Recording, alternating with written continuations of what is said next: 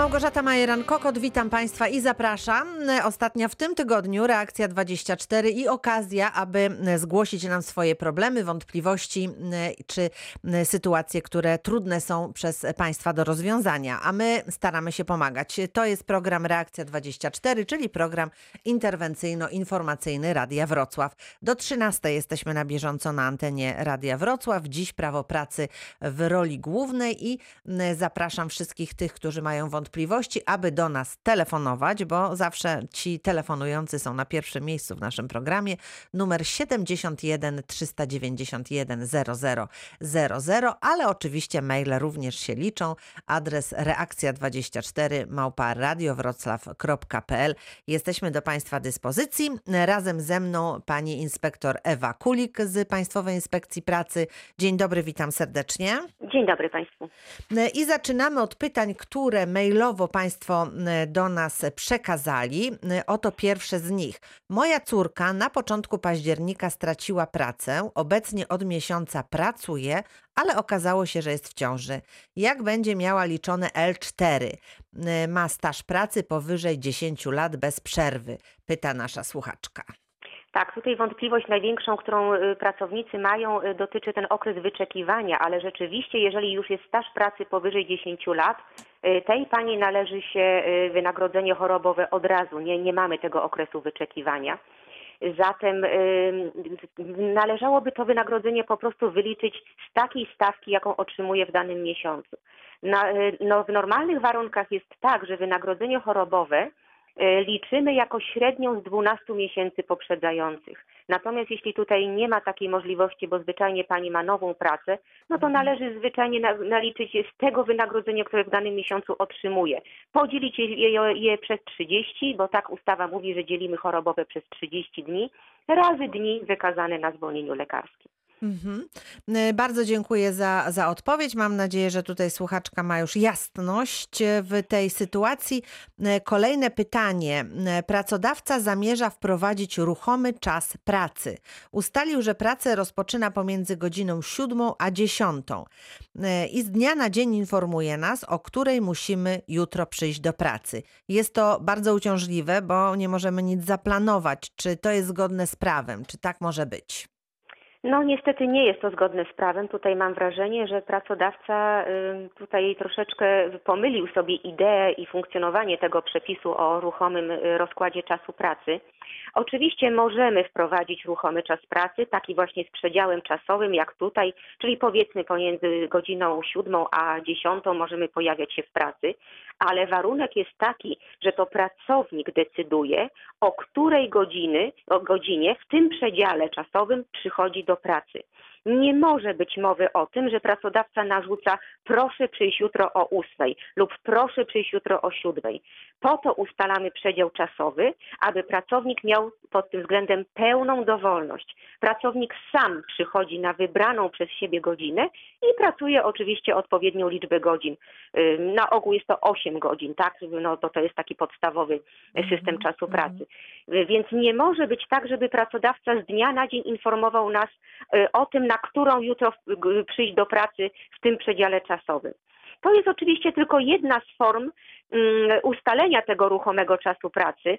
Są różne, są takie, gdzie rzeczywiście pracodawca może narzucić pewien grafik y, takiego przychodzenia do pracy raz na siódmą, raz na dziewiątą, raz na szóstą. Nie ma problemu, ale wtedy rozkład czasu pracy musimy dostać na miesiąc z góry i to na 7 dni wcześniej przed rozpoczęciem danego miesiąca. Takie y, zlecanie pracy z dnia na dzień nie, nie wchodzi w grę. Tym bardziej właśnie przy zastosowanym ruchomym czasie pracy z przedziałem czasowym. Tutaj pełna dowolność po stronie pracownika. Mhm, czyli jeżeli e, rzeczywiście pracodawca chce tutaj wprowadzić e, takie godziny, to musi być wcześniej e, przygotowany grafik, który tak. będzie wskazywał to, jak należy. Tak, musi z góry prawda? założyć, mhm. że w poniedziałek będzie na ósmą, we wtorek na siódmą, w środę na dziesiątą. Proszę bardzo, ale taki grafik musi pracownik dostać na cały miesiąc, minimum na miesiąc i na 7 dni wcześniej przed rozpoczęciem tego okresu. Mhm. E, Bardzo dziękuję i przypominam Państwu, że m, w naszym programie można pisać, ale także telefonować. Numer 71 391 0000 to jest e, numer, pod który mogą Państwo również telefonować i zadawać na bieżąco pytanie. Naszym ekspertem jest dziś pani Ewa Kulik e, z Państwowej Inspekcji Pracy, a dodzwonił się do nas pan Ireneusz z Wińska. Dzień dobry panu. Dzień dobry. Proszę Dzień dobry. uprzejmie. E, Proszę Panią, mam do Pani takie pytanie. Jak firma Betard, e, czy ma ograniczony czas pracy, czy nie? Yy, Czyli ale ja, Betard, fi- firma Betard w Gołęce, czy no pan, ja tego nie wiem. Panie wie pan, ja nie mam, nie mam danych statystycznych y, y, wszystkich kontroli, które tutaj są przez inspekcję prowadzone i zwyczajnie no, i- no nie mam danych w sprawie konkretnej firmy. Mogę odpowiedzieć y, na pytanie, czy dane stosowanie czasu pracy jest Proszę panią, prawidłowe i- lub nie. Mhm, Proszę pani- Panią, w tej, tak. firmie, w tej firmie pracowałem i tam nie ma żadnego, kiedy sobie szef zażyczy, wtedy muszą przyjść, a nie by któryś powiedział, że nie, to Mhm. wylatuje. I do tej pory tak, proszę Panią, jest. Ta firma nie jest, to jest, to jest Bóg w Polsce. On robi co chce, e, e, jak chce, to robią po 13-14 godzin. Ja jeździłem, to wiem, jak to wygląda. Mhm. Całkiem, co, to, co pani mówi, to jest całkiem co innego, a to, co innego tam A jest. co w tej innego stosowane. No widzi pan, no może zwyczajnie należałoby złożyć skargę. Ktoś z pracowników, który Proszę rzeczywiście panią- już będzie miał dość, no to zapraszamy. No ja nie widzę, żeby mu ktoś y, jakąś skargą zaszkodził. Panie Ireneuszu, a pan już nie pracuje w tej firmie w tej chwili, Nie tak? pracuję, Mhm. nie, nie. Rozumiem, czyli pan już jako były pracownik to nie może złożyć y, takiej skargi Nie, czy nie, takiej nie, nie, informacji. Nie, no na- pan może złożyć taką skargę, oczywiście kontrola zostanie przeprowadzona, natomiast nie udzielimy panu odpowiedzi, co żeśmy ustalili, bo jest pan już osobą trzecią, tak? Nie jest Tak, pan już tak. stroną. Mhm. To Ale może panie Ireneuszu, no właśnie, może panie Ireneuszu to jest dobra sytuacja, bo pan zgłasza i już pan się niczego nie boi, bo pan już nie pracuje w tej tak, firmie. Tak, tak. Więc jeżeli tam rzeczywiście coś, coś jest nie w porządku, to, e, to może w imieniu tych, którzy tam pracują, e, warto się tą sytuacją zainteresować, prawda? Jak najbardziej. No, ale to musiał co, do pani się zgłosić i z panią porozmawiać tak To znaczy szczegółowo. niekoniecznie do mnie, no zwyczajnie w- można złożyć skargę do inspekcji pracy i zostanie tam przeprowadzona kontrola. No dobra, dobra. Niech ja pan to spróbuję. rozważy, panie Ireneuszu, bo skoro rzeczywiście tak źle się dzieje, no nie ma ludzi bezkarnych. Trzeba tylko trochę e, Nawet- no, postarać się Tak, podrążyć prawda, temat. podrążyć temat i sprawdzić, Mhm. czy rzeczywiście coś złego się dzieje. Więc e, Nawet, proszę panią, Mhm. odchodziłem na emeryturę, to mi nie wypłacił wysługi lat. y, Co mi się należy odprawa. Bo mnie wcześniej zwolnił już po to, żeby mi nie wypłacić, proszę mhm, pani. mhm. Bo mu się postawiłem. No właśnie, to trzeba wszystko tutaj zbadać e, i, i ewentualnie wtedy podejmować działania. Ale bardzo dziękujemy panie Dobra, Ireneuszu. dziękuję. Zwrócił pan uwagę, proszę działać jeszcze tak jak tutaj mówimy. Można co nieco w tej kwestii zrobić, tylko trzeba kogoś o tych nieprawidłowościach poinformować, w tym wypadku Państwową Inspekcję Pracy. E, Bardzo dziękuję. E, 14 minut po godzinie 12. E, My jesteśmy cały czas na antenie Radia Wrocław i cały czas czekamy na Państwa telefony i zgłoszenia. E, Już kolejne pytanie e, naszej słuchaczki. Tym razem jest to pani Elżbieta ze Szklarskiej Poręby. Dzień dobry pani. E, Dzień dobry. Proszę. Dzień dobry. Do, do Pani z Inspekcji Pracy. Pracownik zatrudniony na pełnym etacie na najniższej krajowej e, Mhm. pracuje w systemie zmianowym 12-godzinnym Tak. i grafik miesięczny owszem otrzymuje, z tym, że w grafiku jednego miesiąca są niedogodziny, Mhm. następnego miesiąca są nadgodziny. Tak. Pracodawca e, tłumaczy to, że jednego miesiąca nie wypracował godzin, więc na drugim miesiącu e, tak jakby wyrównuje to, co było niewypracowane w poprzednim miesiącu. Rozumiem. Czy Mhm. to jest zgodne z kodeksem pracy? Proszę pani, tak, ale pod warunkiem, że mamy odpowiednio długi okres rozliczeniowy. Możemy przyjąć w zakładzie pracy dłuższy okres niż jeden miesiąc. Oczywiście dotyczy to rozliczania godzin nadliczbowych. Proszę tutaj nie mylić tego okresu z tym, że wypłata jest co miesiąc. Możemy na przykład przyjąć trzymiesięczny okres rozliczeniowy. Możemy i dwunasto, ale to już jest rzadziej stosowane, bo jest to bardzo trudne do rozliczenia. Ale takim na, najbardziej typowym przykładem przy równoważnym systemie czasu pracy jest właśnie trzymiesięczny. I wtedy jest jak najbardziej możliwe i zgodne z przepisami zaplanowane mniejszej ilości godzin w pierwszym miesiącu pracy, a na przykład większej ilości godzin w trzecim miesiącu pracy. Jeśli wszystkie te trzy miesiące zbilansują się i pracownik przepracuje tyle, ile trzeba średnio w każdym z tych miesięcy, to wszystko jest w porządku. Ale warunkiem jest oczywiście wydłużenie tego okresu. Dziękuję ślicznie. Proszę bardzo. Dziękujemy uprzejmie e, za e, tutaj wyjaśnienia i e, pytanie mailowe teraz, które mamy od naszego słuchacza. Zakład pracy, w którym pracuje, bankrutuje. Prawdopodobnie zostanie w całości sprzedany, a profil produkcji się nie zmieni. Czy w przypadku sprzedaży zakładu zostaniemy wszyscy zwolnieni, czy może nasze miejsca pracy są w jakiś sposób chronione? Pyta słuchacz. Mhm. No trudno tu mówić o jakiejś ochronie, ale rzeczywiście pewne uprawnienia uprawnienia dla pracownika tutaj są zapewnione. Jeżeli mamy rzeczywiście do czynienia ze sprzedażą zakładu, przejęciem przez jakiś inny podmiot, pracownicy muszą zostać przejęci. To nie jest tak, że kupujemy sobie z zakładu pracy co chcemy, ale musimy przejąć tych pracowników. E, w kodeksie pracy mamy artykuł 23 z indeksem 1, który właśnie mówi o tym, że pracownicy w razie takich przekształceń, przejmowania zakładu y, przez inny zakład muszą być przejęci i jest to przepis obligatoryjny. To nie jest tak, że możemy dać wypowiedzenia wszystkim pracownikom, żeby łatwiej było sprzedać pusty zakład. Pracownicy, jeśli są zatrudnieni normalnie na etatach, muszą zostać przez nowego pracodawcę przejęci. Zwyczajnie ich umowy przenosi się do nowego zakładu. Jeżeli oni okażą się niepotrzebni w nowym zakładzie, bo na przykład y, pracodawca zmienia nieco charakter działalności, y, to oczywiście może tych pracowników zwolnić, ale już na zasadach ogólnych, w nowym miejscu pracy. Natomiast fakt przejęcia musi się odbyć. Przenosimy umowę o pracę, akta osobowe do nowego zakładu i kontynuujemy zatrudnienie. Warunkiem jest tylko oczywiście mm, spełnienie wszystkich wymogów formalnych, które ten przepis tam narzuca, czyli po prostu w odpowiednim czasie poinformować tych wszystkich pracowników, mhm. że zostaną przejęci. I to mhm. jest wszystko. Badania zachowują ważność szkolenia e, BHP-owskie również. Nie ponosimy żadnych dodatkowych kosztów z tym związanych, ale pracowników przejąć musimy. Mhm, rozumiem. Bardzo dziękuję za odpowiedź i już słuchamy. Pani Agnieszka z Wrocławia do nas telefonuje. Dzień dobry pani. Dzień dobry. Ja chciałam zapytać, czy w przypadku jak pracownik e, jest na, w okresie wypowiedzenia, bo jest rozwiązana umowa, czy to można łączyć wynagrodzeniem przestojowym 60%, bo nie jest w stanie pracodawca mu zapewnić żadnej pracy? E, proszę Pani, tak. W okresie wypowiedzenia jak najbardziej postój można zarządzić. Okres wypowiedzenia to jest zwykły okres wykonywania pracy. To jest nasza zwykła praca. Tyle tylko, że po trzech miesiącach, czy tam odpowiednio po iluś umowa rozwiąże. Więc jeżeli w tym czasie cały zakład idzie na postojowe lub dany dział, to ten pracownik również idzie na postojowe. Natomiast proszę Pani, niepokoi mnie y, tutaj inna rzecz, o której Pani powiedziała, dlaczego 60%. Bo tutaj ja rozumiem... To wynagrodzenie przestojowe, takie tak zwane mhm. 60%. Nie, nie, proszę Pani, jeżeli mamy postój z kodeksu pracy, ja nie mówię o tarczy kryzysowej, gdzie są zupełnie inne warunki, mhm. ale mówimy o postoju z kodeksu pracy. Tam jest zagwarantowana stawka osobistego zaszeregowania określona stawką miesięczną lub godzinową, więc jeśli pani taką ma, to pani po prostu tą stawkę ma otrzymać. Natomiast jeżeli takiego składnika by nie było, czyli na przykład gdyby pani miała wynagrodzenie prowizyjne, akordowe, to wtedy liczymy 60% jako średnią. Ale tylko Ale wtedy jest 60%. Podstawa minimalna wynagrodzenia. To ma być podstawa minimalna i tutaj nie ma dyskusji.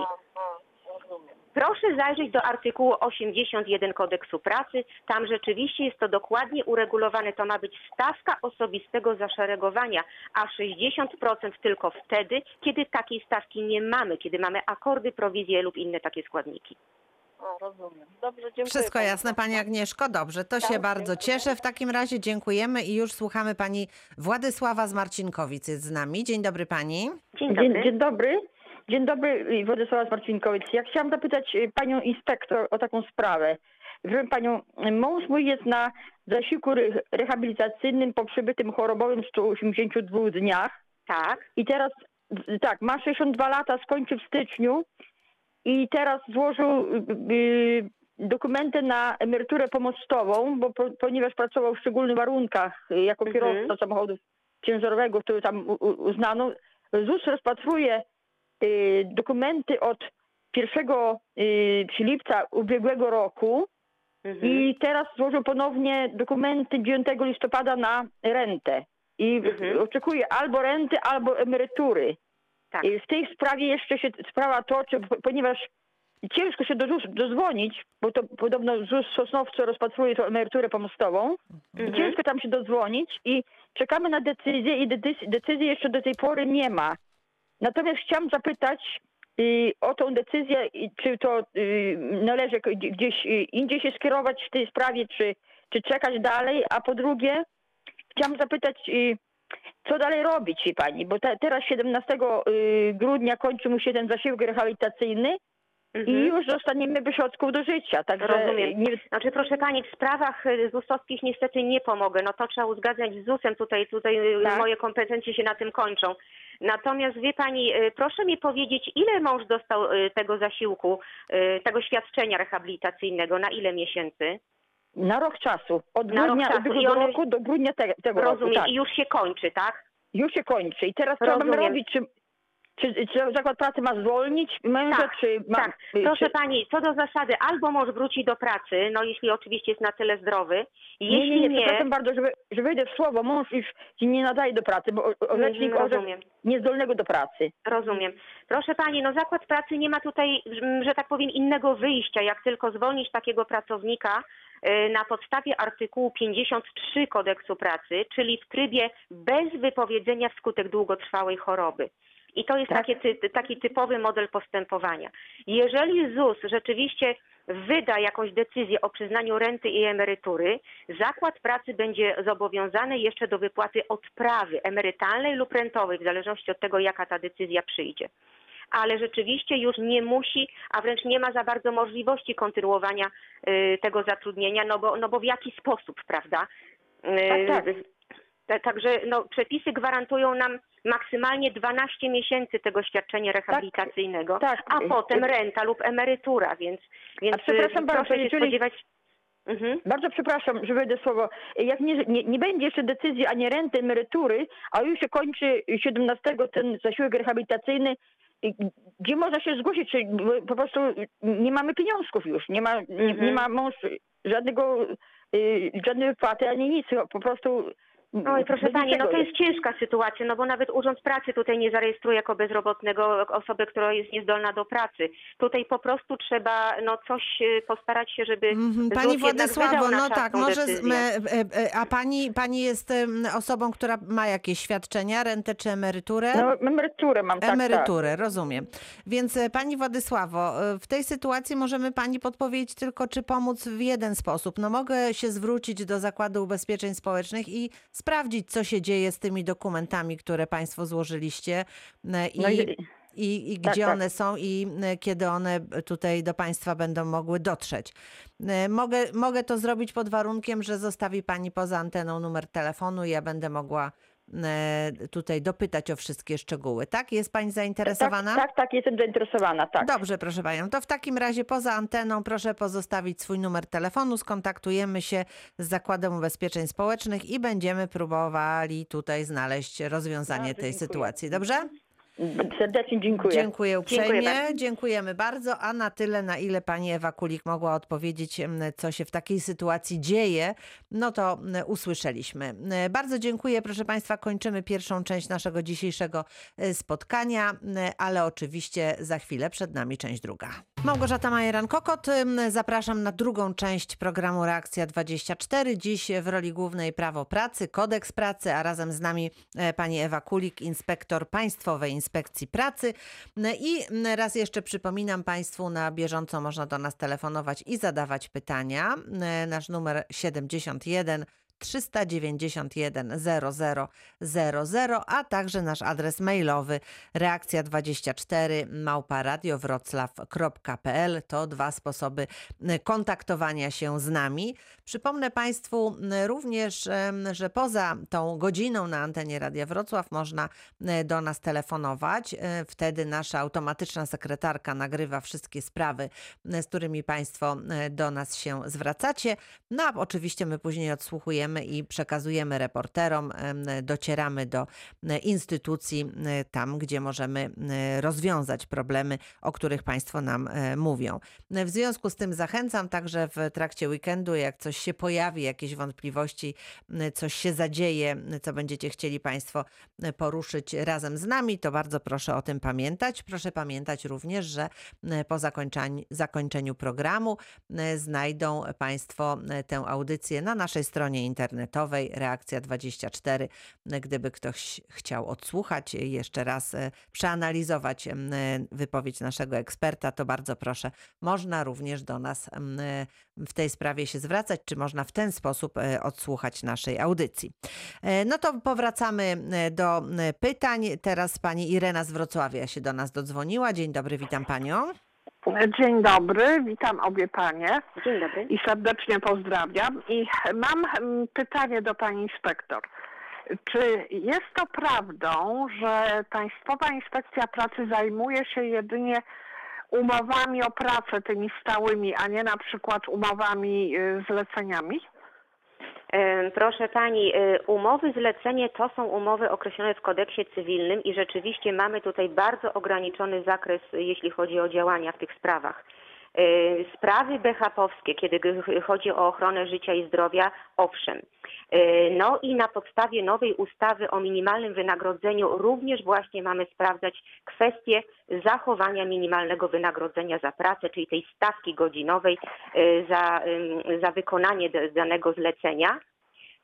I co się z tym wiąże? Również taką chociaż pobieżną analizę ewidencji czasu pracy lub jakichkolwiek zapisów dotyczących y, przepracowanych godzin, aby zwyczajnie skonfrontować ilość przepracowanych godzin i stawki minimalnej. I to jest właściwie zakres, jaki możemy y, zrobić w ramach sprawdzania umów cywilnoprawnych.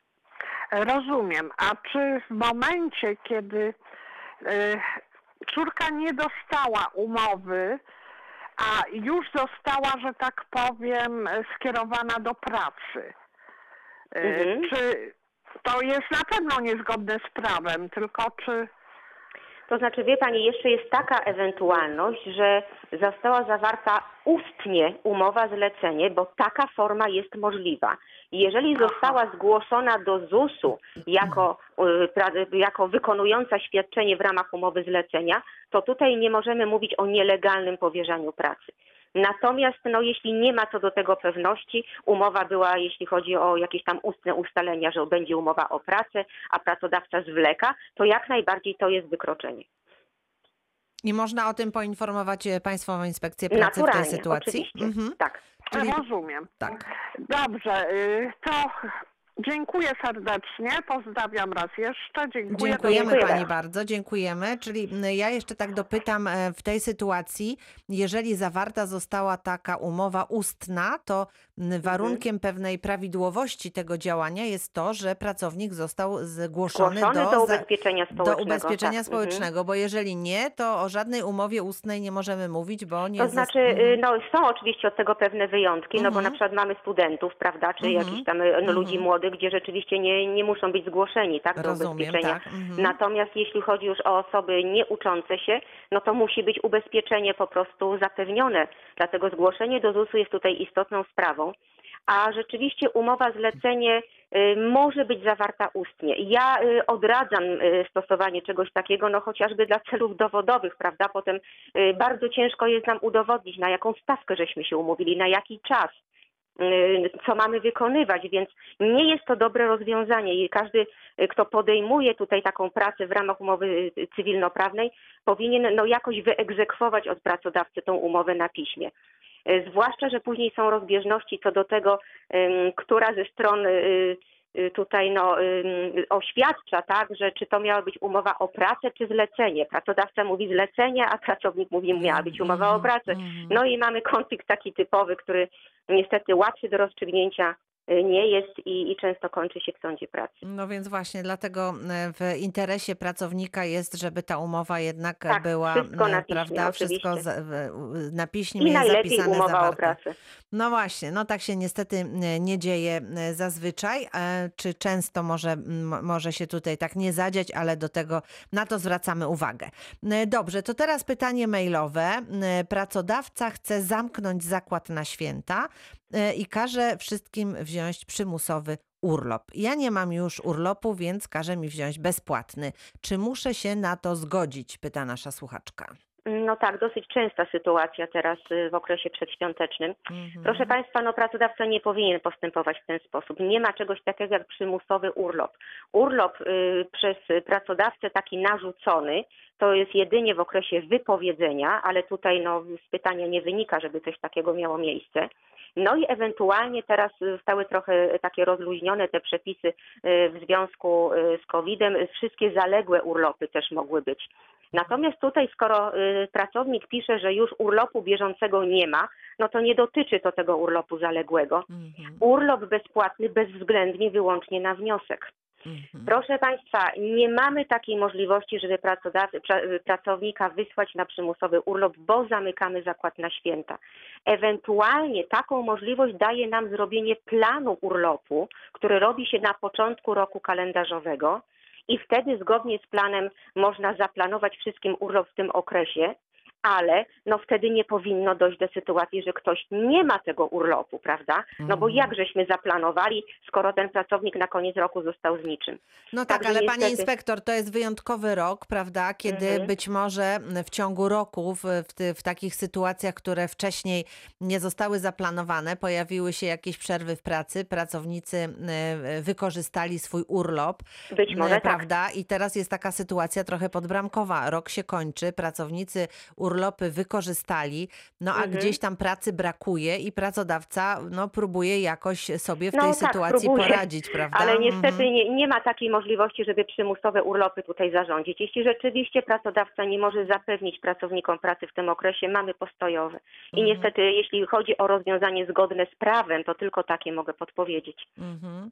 A po, to postojowe, jakimi prawami się rządzi? Jaki, jakie wtedy jest Y, wynagrodzenie? No to już na słuchaczka poprzednia tutaj Mhm. y, zadawała to pytanie, Mhm. ale rzeczywiście, jeśli mamy postojowy z kodeksu pracy, nie Mhm. mówiąc tam o rozwiązaniach z tarczy antykryzysowej, Mhm, mhm, ale w kodeksie pracy mamy zapewnioną stawkę osobistego zaszeregowania.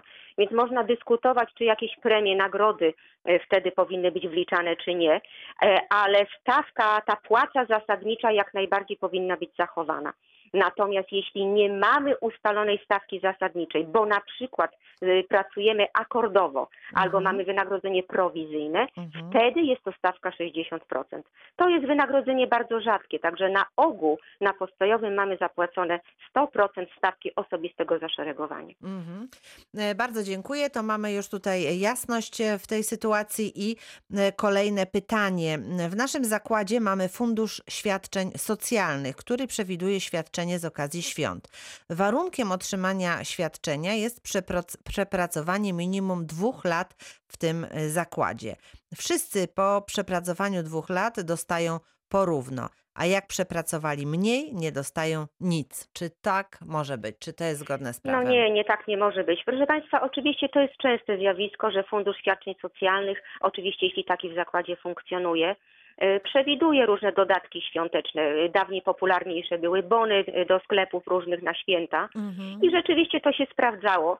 Natomiast, proszę Państwa, jedyne kryterium, które ustawa o, o Funduszu Socjalnym przewiduje, to jest kryterium dochodowe pracownika, kryterium socjalne, jak sama nazwa tej ustawy wskazuje.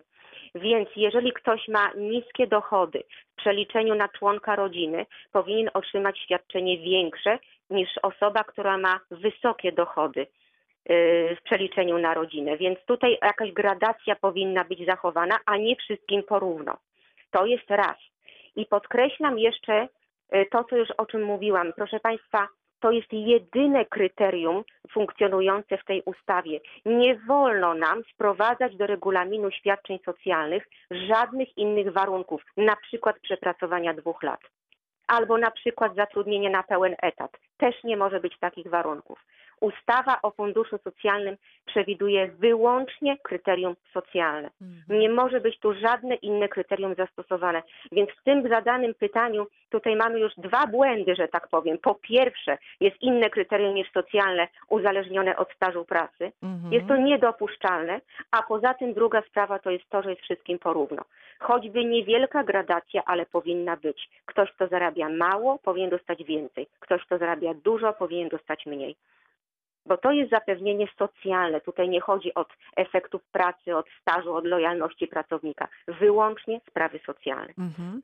E, Bardzo dziękuję za odpowiedź i już e, słuchamy pani Aleksandry, która ze Szklarskiej Poręby do nas telefonuje. Dzień dobry. E, Dzień dobry Państwu. Ja mam takie zapytanie. Yy, Praca w, yy, no, w gastronomii, w hotelarstwie, wiadomo jak dzisiaj wygląda. Mhm, mhm. Yy, Był stworzony grafik, mieliśmy planowo przyjść do pracy, no ale niestety no, z przyczyn oczywistych jest to niemożliwe i yy, jesteśmy na przykład wysyłani na, yy, na wolne. Yy, Mhm. Bo nie pracujemy tam na przykład chwilowo. I teraz mi chodzi o czas pracy. Czy te godziny, które powinniśmy pracować tego dnia zgodnie z grafikiem, czy yy, one powinny być zaliczone do tego czasu pracy, czy powinniśmy je odrobić? Ale proszę mi powiedzieć, co to znaczy wysyłamy na wolne? Postój się wprowadza? Y, no, wp- Wprowadza się na przykład czasowy postój, tak? No bo nie ma, Tak. y, nie ma po prostu ludzi, Tak, nie ma komu jest, obserwować. postój jest liczony do, do, do czasu pracy, czyli normalnie jeśli Pani miała w grafiku 8 godzin, idzie Pani Mhm. na postój na 8 godzin. Natomiast proszę Pani, proszę być czujnym również na takie zjawiska, że Mhm. na przykład w okresie letnim mogła Pani mieć jakieś nadgodziny, prawda? Mhm, mhm, I mhm. teraz oddają wolne z tytułu tych nadgodzin. Jasne.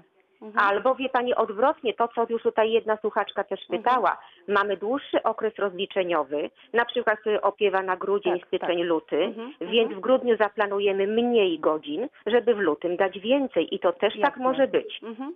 Rozumiem.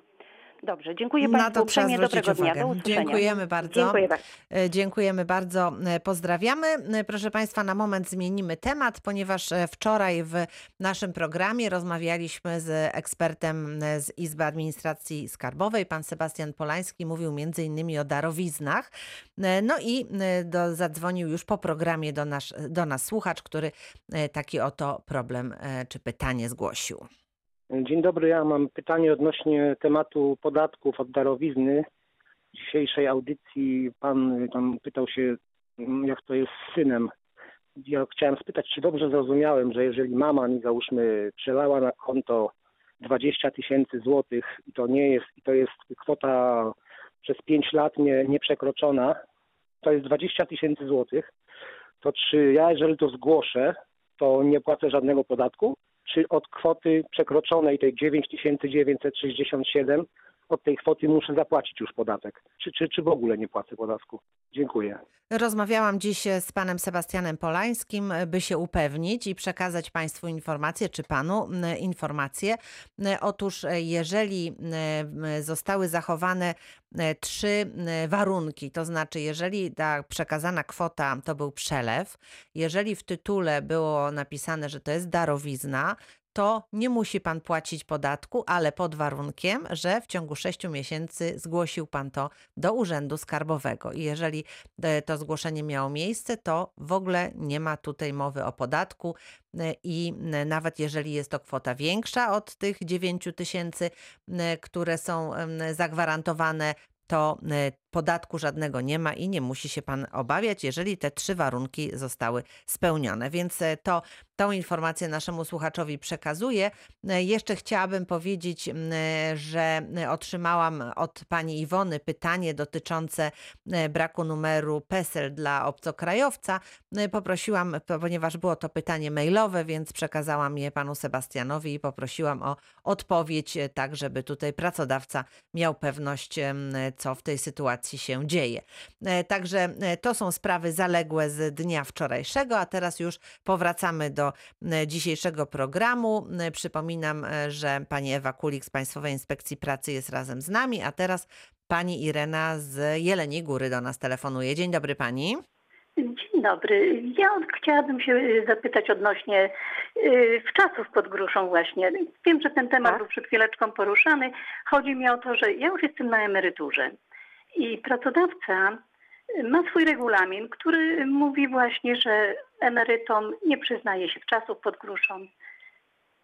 Czy to jest zgodne y, z przepisami? Czy Można omijać, czy ten y, y, odpis tego funduszu jest na każdego pracownika i na emeryta jednakowy, czy jednak, czy, czy Nie, pracodawca odpis- może sobie w ten sposób regulować? Mhm. Odpis jest inny na emeryta i pracownika. Rzeczywiście pracownicy mają prawo korzystać z tego, z tego funduszu socjalnego, ale tutaj musiałabym dobrze, mieć dobry wgląd w treść tego regulaminu, dlatego że nie ze wszystkich warunków socjalnych prac, y, emeryci y, mogą korzystać na mocy tego ustalonego regulaminu.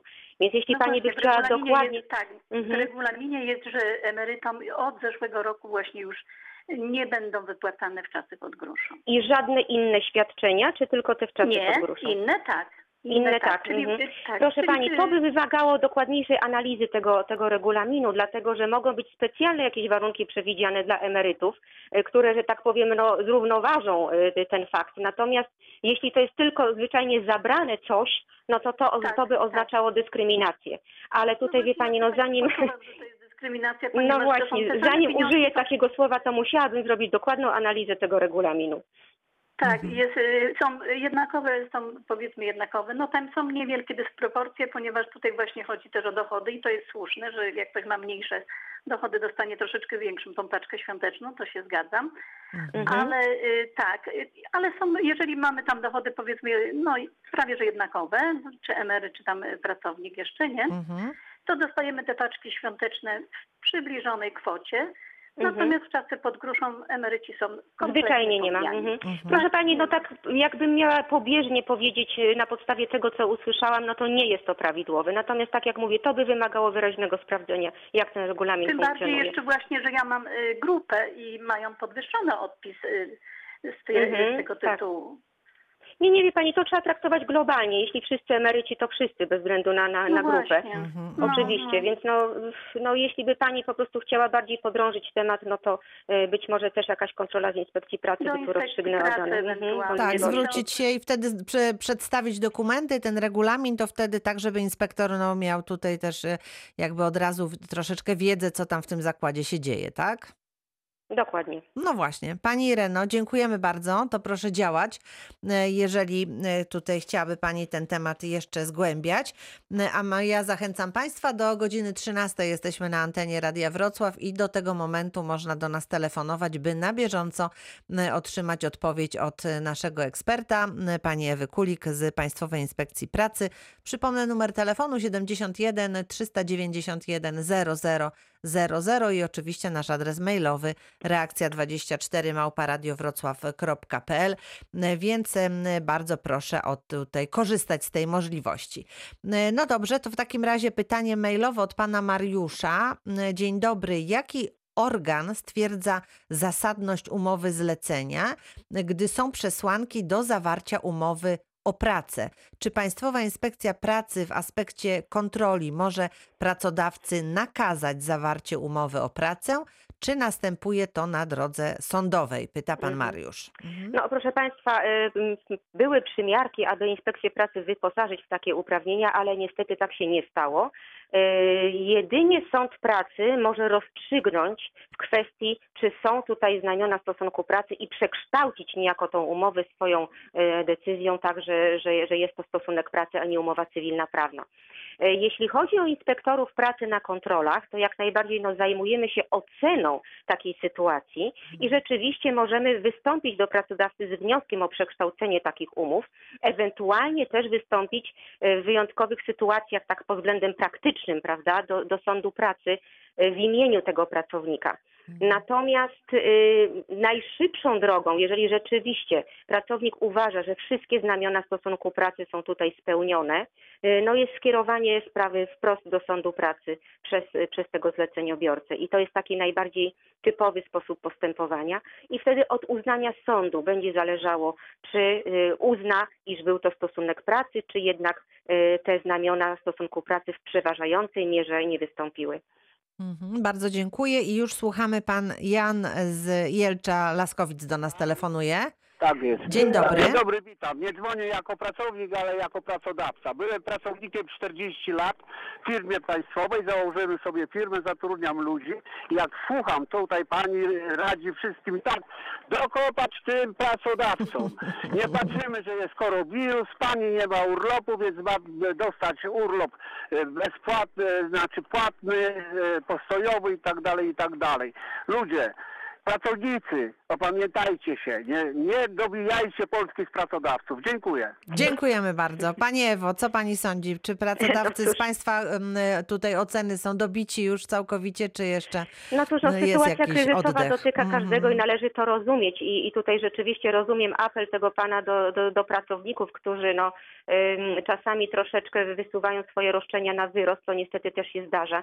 No ale jeżeli pracownicy dzwonią i pytają mnie o sprawy formalne, takie, które wynikają z przepisów, no to ja niczego innego nie wymyślę niż to, co powiedziałam.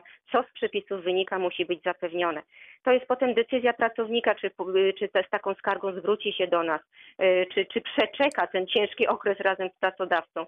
Ale z przepisów wynika to, co wynika, więc no niestety nie podpowiem niczego innego, co, Co nie byłoby byłoby niezgodne zgodne z tymi przepisami, dokładnie. oczywiście, a e, pracownicy muszą e, tutaj mieć na uwadze sytuację pracodawcy i tak sobie myślę, że jeżeli pracodawca był zawsze w porządku wobec pracownika, e, to nie ma powodu, żeby ten pracownik też nie, nie brał tej sytuacji pod uwagę, a jeżeli Naturalnie. było inaczej, no to teraz też sytuacja może być inna. No i musimy wziąć jeszcze pod uwagę to, że pracownicy też muszą mieć z czego żyć, prawda? Więc też y, muszą też patrzeć Wszyscy na własny muszą sobie w interes, tej oczywiście. sytuacji poradzić. Mhm. To słuchamy pani Teresa ze Świdnicy jest razem z nami. Dzień dobry pani. Halo pani Tereso? Pani Teresa jest razem z nami, czy gdzieś na chwileczkę odwróciła swoją uwagę, więc jeżeli nas nie słyszy, y, to ja pozwolę sobie zadać jeszcze jedno pytanie y, mailowe, y, a ono brzmi następująco. Wykonałam badania okresowe w mojej przychodni rodzinnej. Pracodawca nie chce uznać tych badań, ponieważ twierdzi, że ma podpisaną umowę z inną placówką, do której e, dał mi skierowanie. Teraz nie chce mi zapłacić za te badania. Co mam w tej sytuacji zrobić? No tak, tutaj powstała bardzo trudna sytuacja. E, Przede wszystkim, proszę Państwa, musimy podzielić e, sobie troszeczkę tutaj sprawy związane z sytuacją covidową i sprawy związane z sytuacją normalną, że tak powiem. W normalnych warunkach jak najbardziej tutaj pracodawca ma prawo wymagać, aby pracownik udał się na badania tam, gdzie zostanie skierowany. Mało tego, pracodawca ma obowiązek zawrzeć umowę z konkretną placówką medycyny pracy na wykonywanie tych badań. To nie jest tak, że wysyłamy pracownika byle gdzie, gdzie sobie sprawdzimy, że tu jest mała kolejka, to puścimy pracownika tu, a innym razem gdzie indziej. Wysyłamy do konkretnej placówki, z którą mamy podpisaną umowę.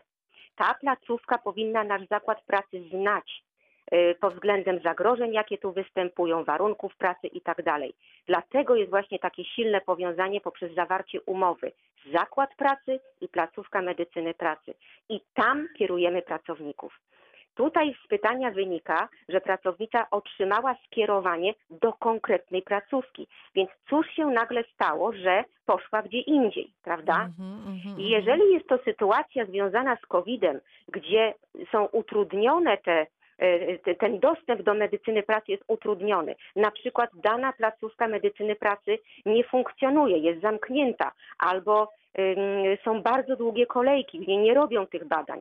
No to oczywiście możemy się tutaj posłużyć przepisami tarczy a- antykryzysowej, która mówi, że te badania stare zachowują ważność. No i też okazjonalnie można się posiłkować wtedy badaniami z innej placówki. Ale proszę Państwa, to jest sytuacja wyjątkowa. Jeżeli pracodawca zapewnia nam badania w danej placówce i ta placówka funkcjonuje, przyjmuje w odpowiednich godzinach, w czasie bez problemu, to nie ma żadnych podstaw, aby iść do innej placówki. Idziemy tam, gdzie pracodawca nas kieruje. Mhm. I to jest zasadnicza sprawa. Bardzo dziękuję. Jeszcze krótkie pytanie od y, mamy na urlopie macierzyńskim. Czy przysługują jej w czasy pod gruszą? Do kiedy trzeba złożyć dokumenty, żeby dostać takie świadczenie? Mm, Proszę pani, y, tutaj jeżeli jesteśmy cały czas na macierzyńskim, no to nie wykorzystujemy urlopu wypoczynkowego, więc tutaj nie ma za bardzo podstawy do tego, żeby to te wczasy pod gruszą otrzymać. E, No bo tutaj tu musi wystąpić jakiś urlop. Co prawda wczasy pod gruszą nie są powiązane z tym, że musi być cięgiem 14 dni wykorzystane, tak jak to ma miejsce przy świadczeniu urlopowym, no ale jest to jednak w związku z tym, że bierzemy urlop w pracy. Więc w momencie, kiedy przebywamy cały rok na macierzyńskim, to ja tutaj naprawdę nie widzę podstawy, żeby było wypłacane te wczasy pod. Rozumiem. I jeszcze szybciutko pan Łukasz z Żagania. Dzień dobry panu. Dzień dobry, witam serdecznie. Proszę Ja mam uprzejmie. py- Mam takie pytanie, czy na składową wynagrodzenia zasadniczego, podstawowego, które powinno się mieścić w najniższej krajowej, mo- Mhm. mogą wchodzić takie rzeczy jak, e, bo ja powiem tak, ja mam na umowie zasadnicze wynagrodzenie brutto powiedzmy 2000, plus do tego e, premia za ryczałt nocny, godziny nocne, jakieś tam Mhm. nadgodziny i to zasadniczo wychodzi tam koło 3000, czyli tutaj zamykamy się w tej kwocie, która powinna być. I teraz mam pytanko, czy ta kwota podstawowa, ta kwota brutto najniższa krajowa to powinna być zawarta jako zasadnicza plus te dodatki, czy te dodatki mogą się składać na tą Ano zależy jakie dodatki. Zależy jakie dodatki. Proszę Państwa, przede wszystkim godziny nadliczbowe y, faktycznie wyliczone lub objęte ryczałtem. One muszą być poza, ponad wynagrodzenie minimalne, czyli 2600 jeszcze na ten rok. Więc takiego składnika jak ryczałt nie powinno być wliczonego do 2600. Ale oczywiście w kwocie 3000 może się już zmieścić, no bo inne składniki mogą, że tak powiem, doszusować do minimalnej krajowej. Premia, o której Pan mówi, tak, jeżeli mamy zasadniczą stawkę powiedzmy 2000 plus premię 600 zł, wszystko jest dobrze. Ale nadgodziny już nie. Również dodatek za pracę w porze nocnej i za pracę w szczególnych warunkach też nie powinien być y, wliczany do minimalnego wynagrodzenia. Premie i nagrody tak, one mogą być wliczone do podstawy, czyli mogą się mieścić w tym 2600. Dziękuję bardzo. Proszę Państwa, kończymy nasze dzisiejsze spotkanie. Jeszcze tylko powiem, że pytanie pana Michała, które dotyczy studiów doktoranckich, przekazuje pani Ewie Kulik i to będzie odpowiedź mailowa. A ja bardzo dziękuję pani inspektor za nasze dzisiejsze spotkanie. Dziękuję serdecznie. Pozdrawiam serdecznie. Małgorzata Majeran-Kokot również dziękuję i życzę Państwu dobrego weekendu. Do usłyszenia.